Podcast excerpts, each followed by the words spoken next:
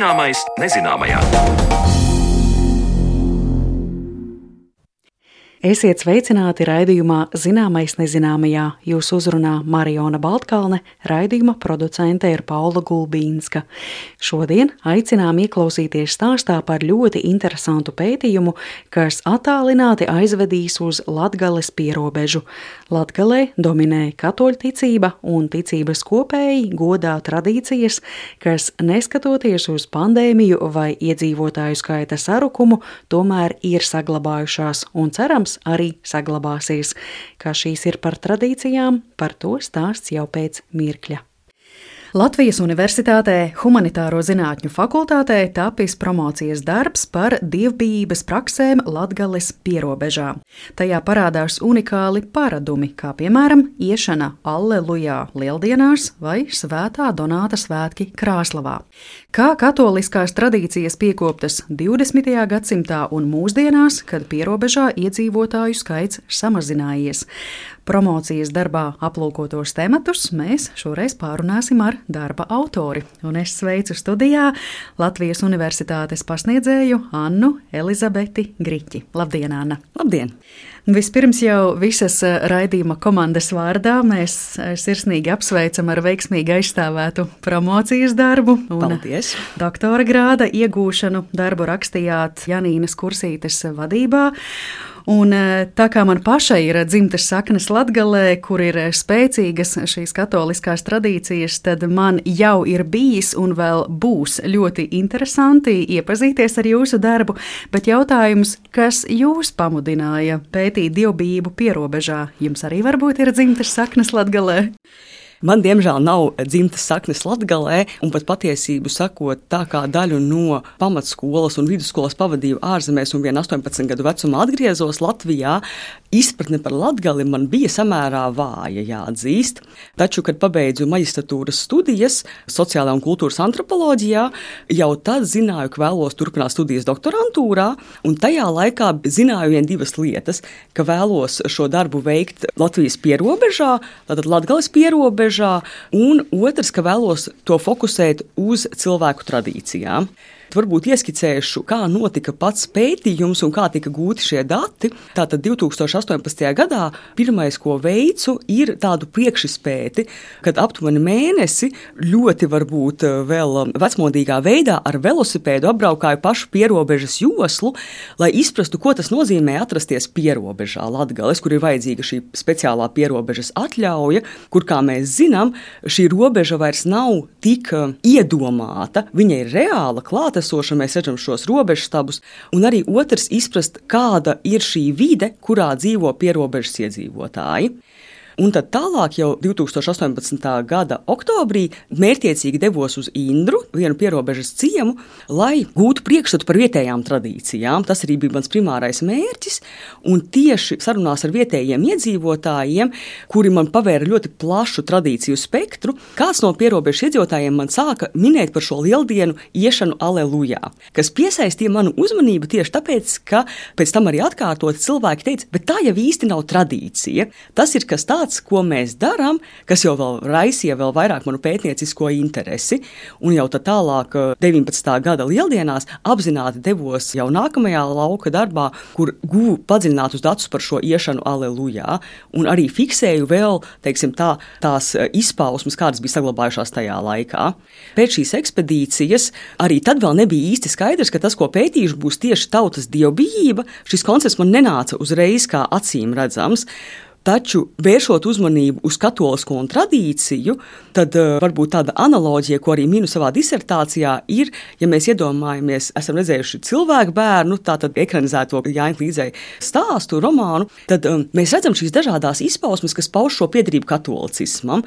Tās ir acīm redzamas, taču tas jēdziens tautas dievība nav tik uh, viennozīmīgs. Un tad nācās jau iet dziļumā, rakt dziļāk, kā viņš tiek saprasts arī akadēmiskajā vidē, līdz nonākt līdz tādam vispārējam analītiskam rāmim, un tālāk jau mērķiecīgi devos gūt šos datus pie cilvēkiem, vaicājot tieši par šo dažādo katolisko prakšu piekopšanu.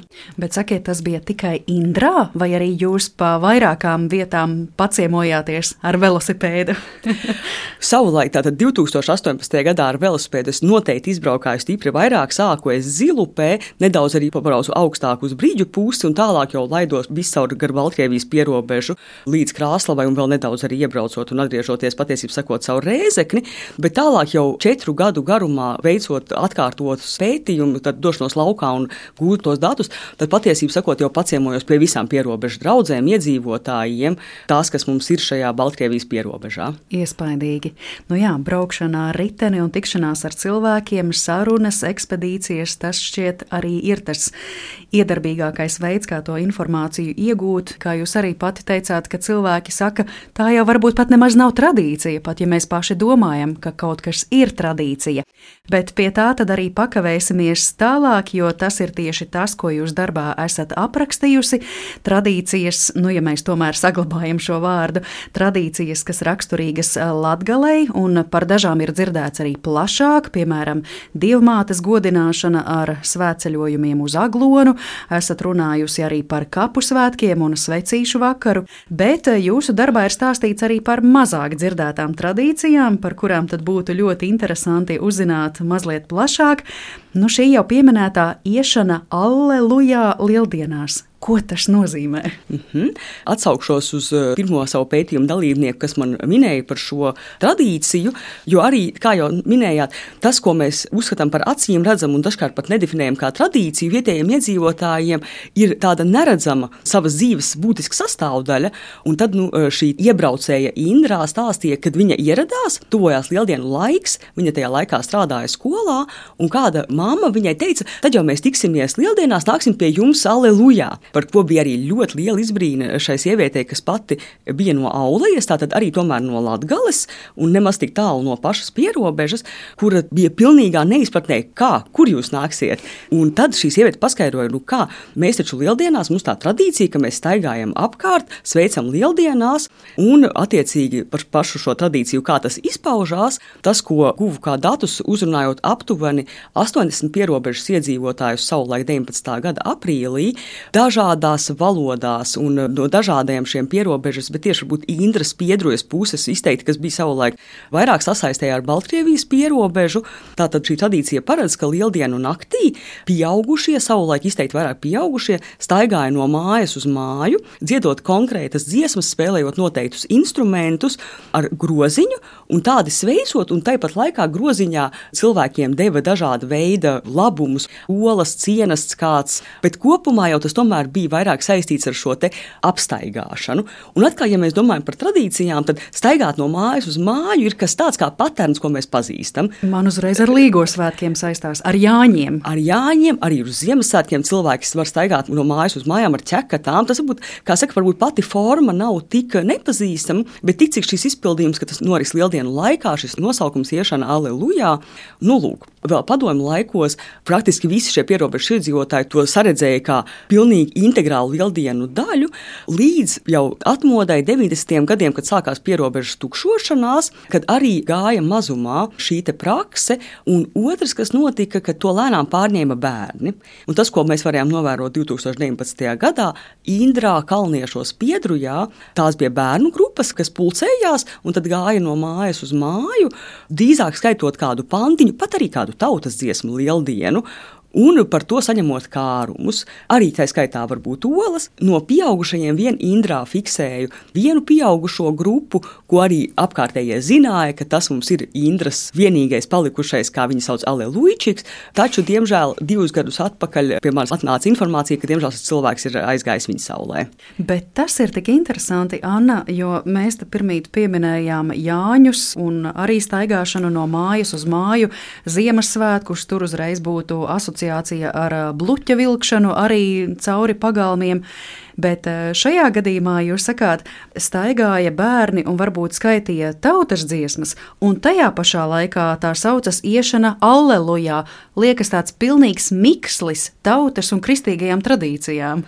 Tā tas varētu būt, un iespējams, ka arī tāpēc tieši konkrēti par šo iešanu, aleluja, tā nav īsti, ne varbūt pat akadēmiski, es teikšu, līdz šim brīdim, jo te es gan ceru, ka viņa būs ierakstīta kā tradīcija, un arī no baznīcas puses ir sava veida piesardzība, jo nav īsti izpratne, ko tad darīt ar šo izpausmi, kuru mēs nevaram līdz galam, kā saka, kontrolēt. Un eh, te nu gan vēlos uzsvērt vienu mazu detaļu. Arī bērni, kad iet eh, šajā alelujā, pirmais, ko viņi saka, ir pieklājot pie durvīm, Kristus augšām cēlies, uz ko atbild patiesi augšām cēlies. To saka gan latviešu, krieviski, poliski.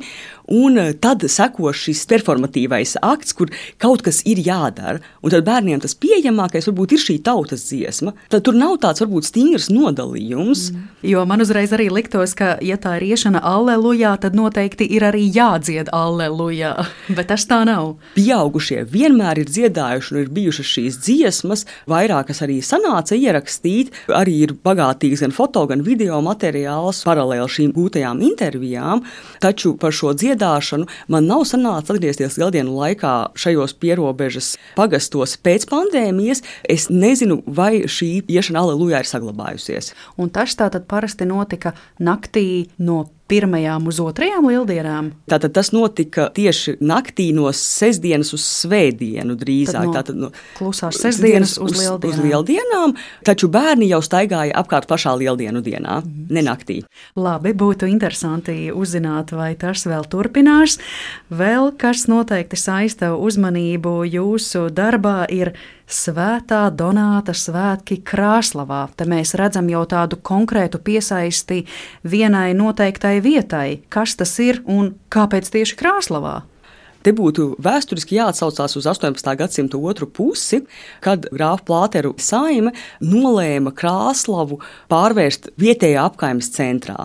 Viņiem šī iecerē bija diezgan mērķiecīga, un tas arī ir laiks, kad Krāslava auga. Šī arī ir viena no teiksim, tā, retajām tradīcijām, kurai mēs varam ļoti vēsturiski izsekot chronoloģiski ieviešanas gaitu.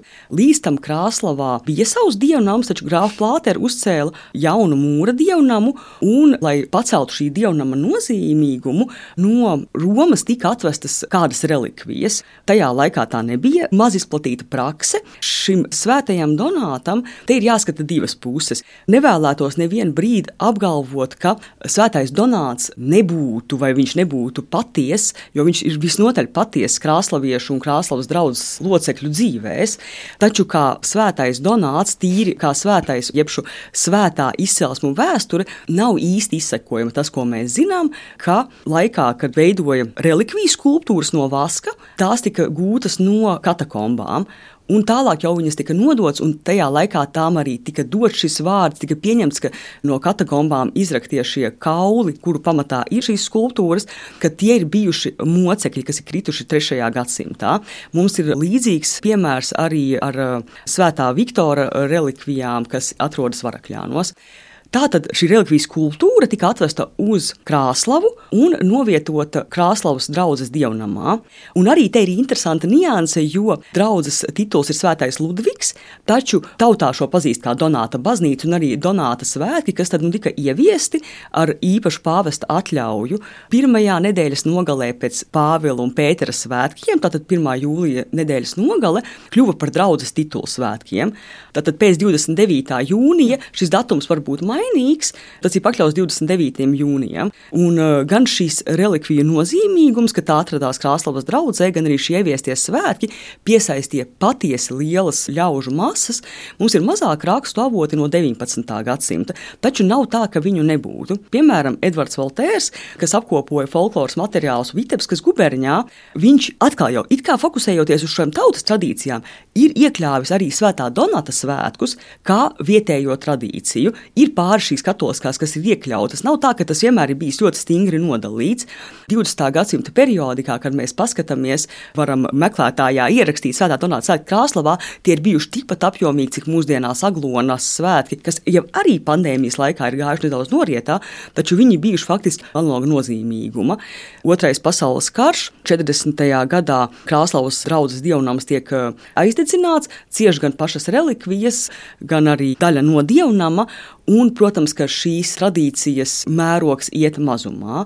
Taču mūsdienās tā nu arī nevarētu teikt. Arī visi, ko es uzzināju, kas bija no Krāslavas draugas, dažādi gada gājuma cilvēki, sevi saist ar šiem svētā Donāta svētkiem, kas ir palikuši arī nozīmīgi, jo tieši svētā Donāta svētkos tiek saņemts gan pirmā komunija, tiek iet pie grēksūdzes un arī tiek stiprināti draudzes locekļi. Un tad ir līdz šim vēl Krāslavā šie svētki noris katru gadu.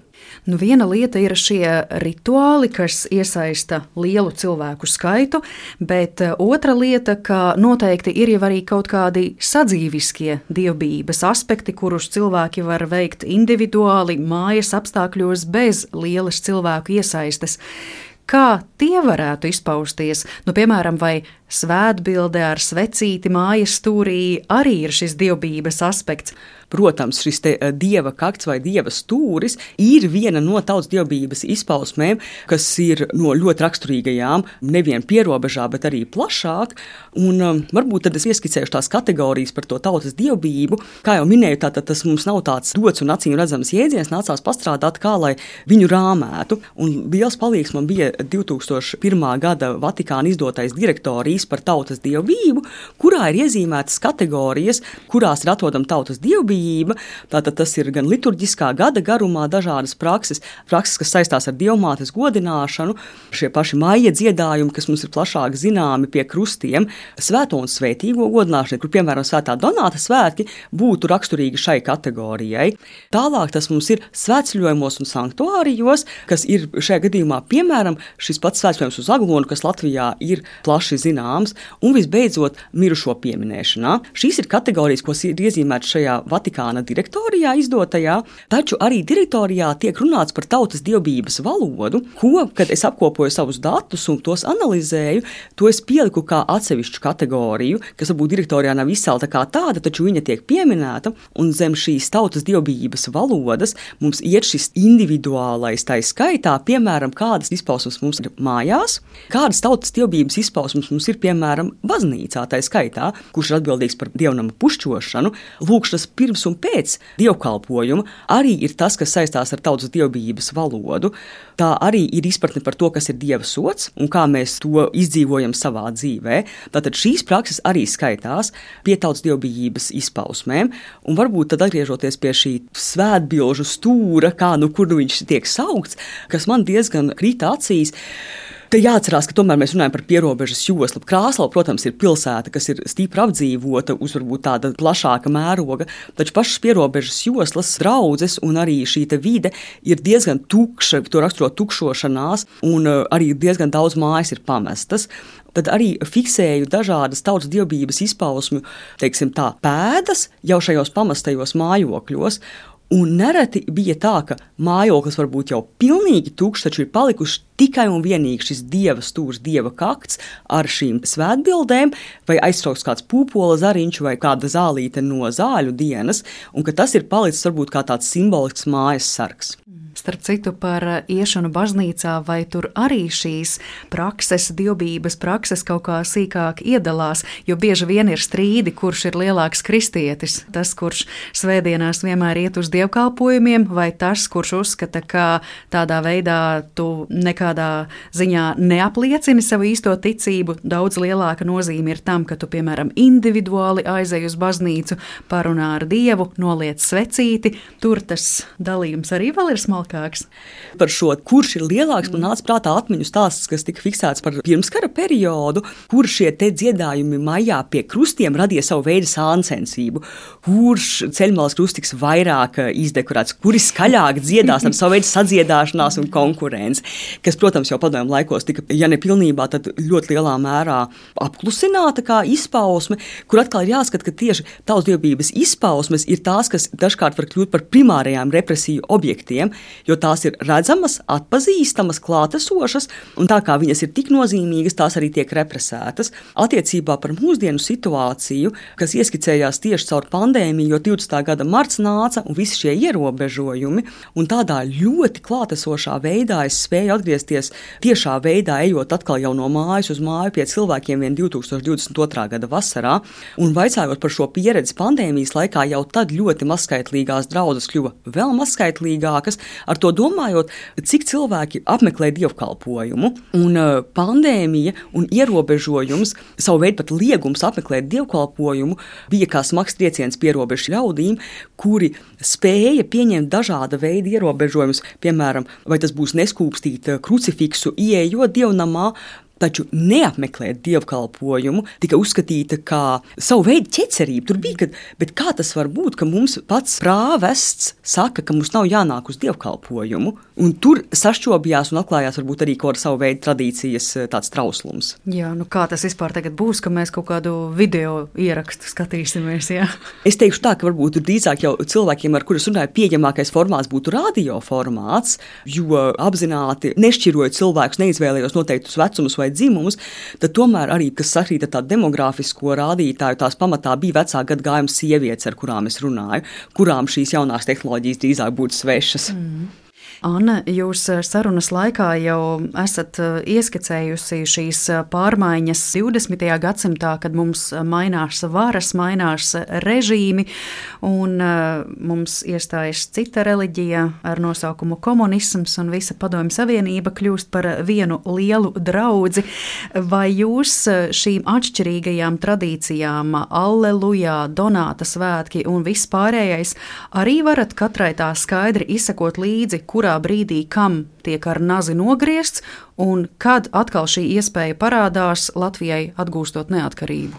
Te vēlos atkal paiet mazliet soli atpakaļ. Arī līdz uh, Latvijas neatkarībai reliģijas brīvība nebija, taču kas notika tātad 20. gadsimta sākumā, izformējās jauna priesteru paudze, kas būtu vietējie latgalieši, un šī paudze, arī viņu pēcteči 20. un 30. gados izveidoja ļoti spēcīgas, lielas draudzes.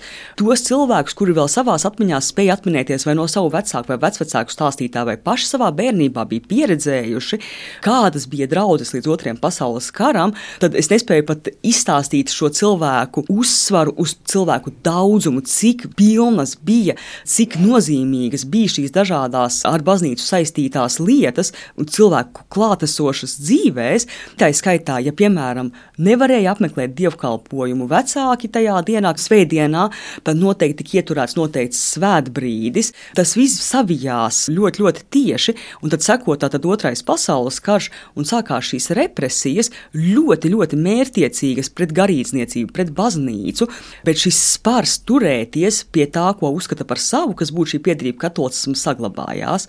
Un tad nu nācās varbūt pieņemt šo lēmumu Un um, pats svarīgākais bija baznīcas sakramenti, kas būtu noteikti izsekot tam, lai būtu kristības iesvētības, iestiprināšana, iespēja doties pie grēksūdzes, arī uh, pie komunijas, pie dievgalda. Taču cita veida tautsdiebības izpausmes gāja mazumā. Viņa veida, arī represijas ir bijušas viņa veida, piemēram, mēs zinām, tas būtu Staļina laikā, tās bija izteiktākas, tad sekoja varbūt savu veidu atpūsnis, taču atkal 60. gados nāca otrais lielais vilnis 70. un 80. gados varbūt nedaudz, nedaudz atkal jau brīvāk, un par 80. gadiem vai atmodu nerunājot, ka tomēr jau šīs vēsmas bija arī klātesošas. Un tā tas atkal ar tiem lielajiem cilvēku pūļiem uzplaukst pēc neatkarības atgūšanas. Diemžēl pūļi neatgriezās pierobežā. Tas, ko man izdevās izsekot, ir varbūt tāda viena no, ja mēs par tādiem patērniem runājam, tad um, pēc atmodas pierobežā atgriezās tā paudze, kas varbūt bija dzimusi augusi bijusi pierobežā un savu aktīvo dzīvi bija pavadījuši ārpus pašas pierobežas savām dzimtajām mājām, taču sasniedzot pensijas vecumu, notika atgriešanās gan dzimtajā pusē, gan arī pie aktīvākas baznīcas tradīcijas piekopšanas. Un varbūt tas arī rada nedaudz tādu mānīgu priekšstatu, ka aizejot šai paudzei, aiziet arī daļa tradīciju, taču arī šī paudze nepiekopa tradīcijas pilnīgi neatrauti. Tradīcijas tradīcijas, pat ja tās pakļautas mainībai, šai pierobežu tukšošanās tendencei, tās vienmēr jau paliks kaut kur klātesošas. Bet kā jūs šobrīd redzat, labi bija tas 20. gadsimts, kas uh, radīja tādus uh, satricinājumus tradīcijām, bet tās neizmira, tās saglabājās. Un tad ir 21. gadsimts, ir Covid laiks, bet eh, kas šobrīd ir tie lielākie šķēršļi tām tradīciju iespējamām izušanām? Tomēr vai tas cilvēku skaita samazinājums pierobežā nav tāds liels risks, ka kaut kas var pazust? Viens ir tukšošanās, un tas, ka cilvēki paliek aizvien mazāk un mazāk pierobežā. Un tā jau būtu vesela, varbūt atsevišķa tēma, ko es arī esmu diezgan detalizēti aplūkojis savā disertācijā. Ir kāda tad ir faktiski šī dzīve mūsdienu pierobežas joslā. Un, jāsaka, godīgi tā noteikti es teikšu, ir sarežģītākā geogrāfiskā lokācija mūsdienu Latvijā, kur vispār dzīvot. Piemēram, šie paši minētie kapu svētki, divus gadus atpakaļ, kad izsekoju, kā ir norisinājušies ar kādu aktivitāti un intensitāti, piemēram, pasienes draudzes aprūpē esošie desmit kapi, vienos no šiem kapiem kapsētkos priesteris bija akurāt viens pats. Taču ir vēlme saglabāt, ir vēlme, un iespējams, ka uz šiem pāris cilvēkiem vai cilvēku desmitiem uz ko pagaidām šī pierobeža arī, es teikšu, ka turās, tā iespējams, ka tomēr piesaistīs vienu dienu atkal jau jaunus, interesējošus cilvēku plūsmas. Tā tas varētu būt. Skārāt eh, vienā momentā to jautājumu par dievbijību atšķirīgās, piemēram, cilvēku kategorijās. Jūs teicāt, ka ar vecāka gadagājuma kundzēm runājāt.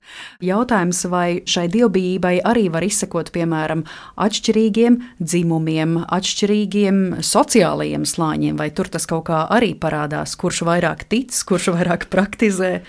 Protams, ieskicēšu varbūt piemēru no Svētā Donāta svētkiem. Tātad par Svētā Donāta svētkiem tas bija 2021. gads, kad fokusējos to, bija līdz šim vēl diezgan stingri pandēmijas ierobežojumi, un nolēmu uzrunāt eh, cilvēkus, eh, kas būtu vairāk mani vienaudži, kas ir dzimuši, auguši Krāslavā, anonīmām šāda veida pieredzes stāstījumiem, ko viņi atminās no Svētā Donāta svētkiem, attiecīgi 90. gados, kādas ir viņu atmiņas, kādas bija dažādas šīs rituālās daļas, kas sniedz pilnīgi pilnīgi citu perspektīvu un arī detalizētāku informāciju, ja mēs runājam par šīm pašām, piemēram, procesijām, kas noris eh, svētku laikā. Arī Svētā Donāta svētkos procesijai ir būtiska loma.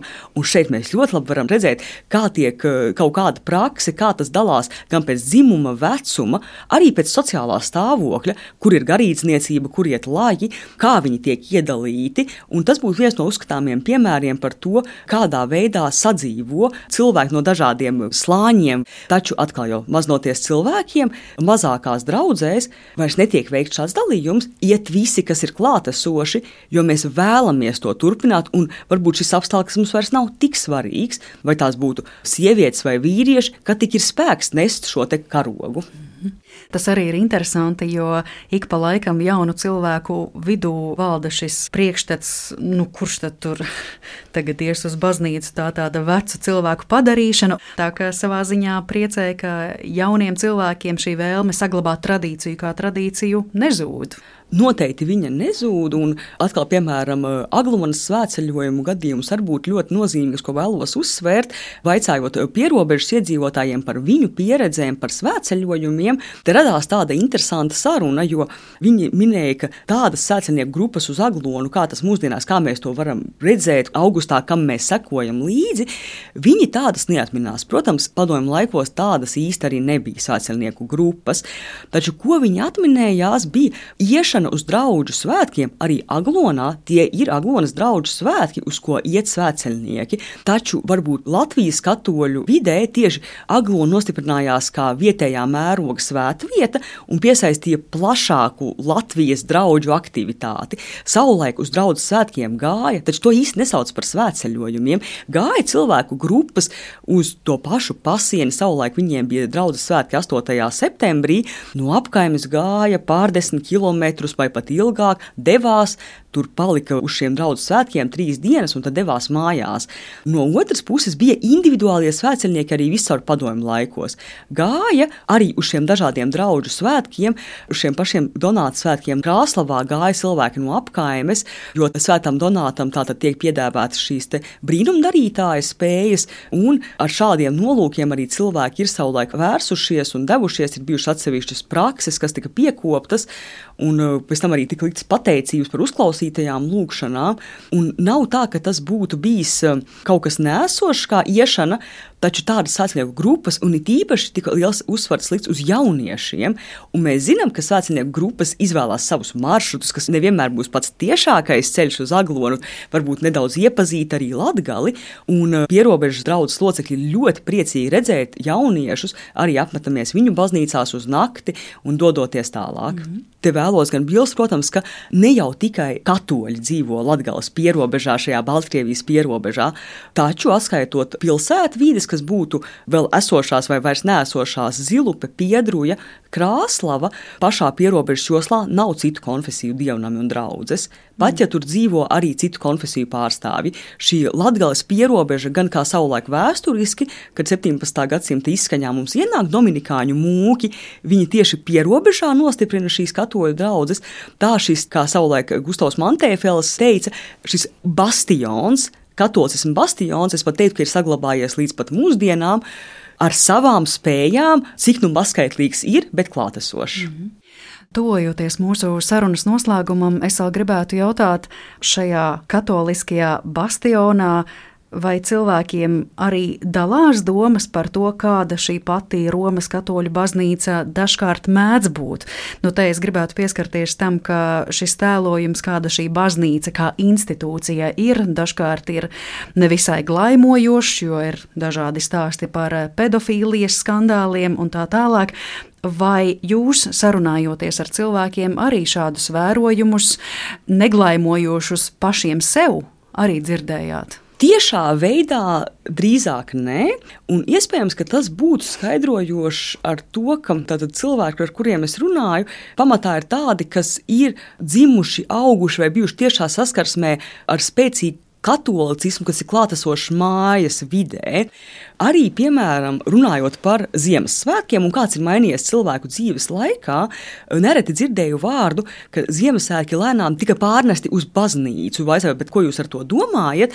Savulaik stipri lielāka nozīme bija dažādām katoliskām tautsdiebības praksēm tieši sētā savā starpā, un došanās uz dievkalpojumu bija viens no. Līdzīgi kā adventa vainags, kas ir relatīvi nesen ienācis, ir tāda svaiga prakse. Savulaik šī iešana uz baznīcu un es attieksme būt tik lielā sasaistē ikdienā nebija tik raksturīga, cik tas būtu drīzāk mūsdienās. Un arī, ja trīsdesmitos gados tātad šo bērnu katehēzi veica garīdzniecība, kā tas arī tagad atkal ir mūsdienās, padomju laikos to veica paši savā starpā, tādā veidā varbūt spējot sevi mazliet pasargāt, nošķirt no tā, kas nebūtu vēlams, ko cilvēki negrib redzēt savā dzīvē. Cilvēki negrib sevi sasaistīt ar negatīvo vai ar šo ļaunumu. Taču jau kā minēju, lielu kritiku nopelnīja baznīca pandēmijas laikā ar ierobežojumiem, kad, piemēram, bija šis teikums apmeklēt dievkalpojumu, kas ir pilnīgi pamatojams, taču radīja neizpratni vietējos iedzīvotājos, un otrs tā arī īsti nevar teikt, ka saskāros tikai un vienīgi ar šo pozitīvo attieksmi. Piemēram, 90% no cilvēkiem, kurus uzrunāju par svētā Donata svētkiem, kas būtu šī vidējā paudze, 90% sev vairs nepieskaita piederīgiem Romas katoļu baznīcai tādā mūsdienu izpratnē viņi arī ir izceļojuši no Krāslavas, visi, un uh, neredz sevi sasaistām. Mazāk varbūt tā būtu saikne ar kādiem skandāliem, bet varbūt arī aizsardzības mehānisms. Es neesmu vairs šai vidē, es vēlos sevi pasargāt un attiecīgi nodalu to, kas man tik ļoti saistās ar vietējo.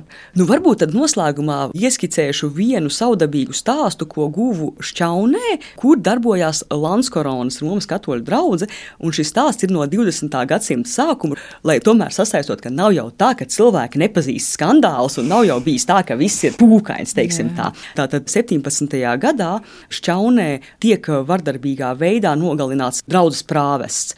To veids daļa arī vietējo draudzes iedzīvotāju, kas bija pievienojušies šīm komunismu idejām, sarkanajām idejām, vēsmām, kas nāca no tā laika Krievijas.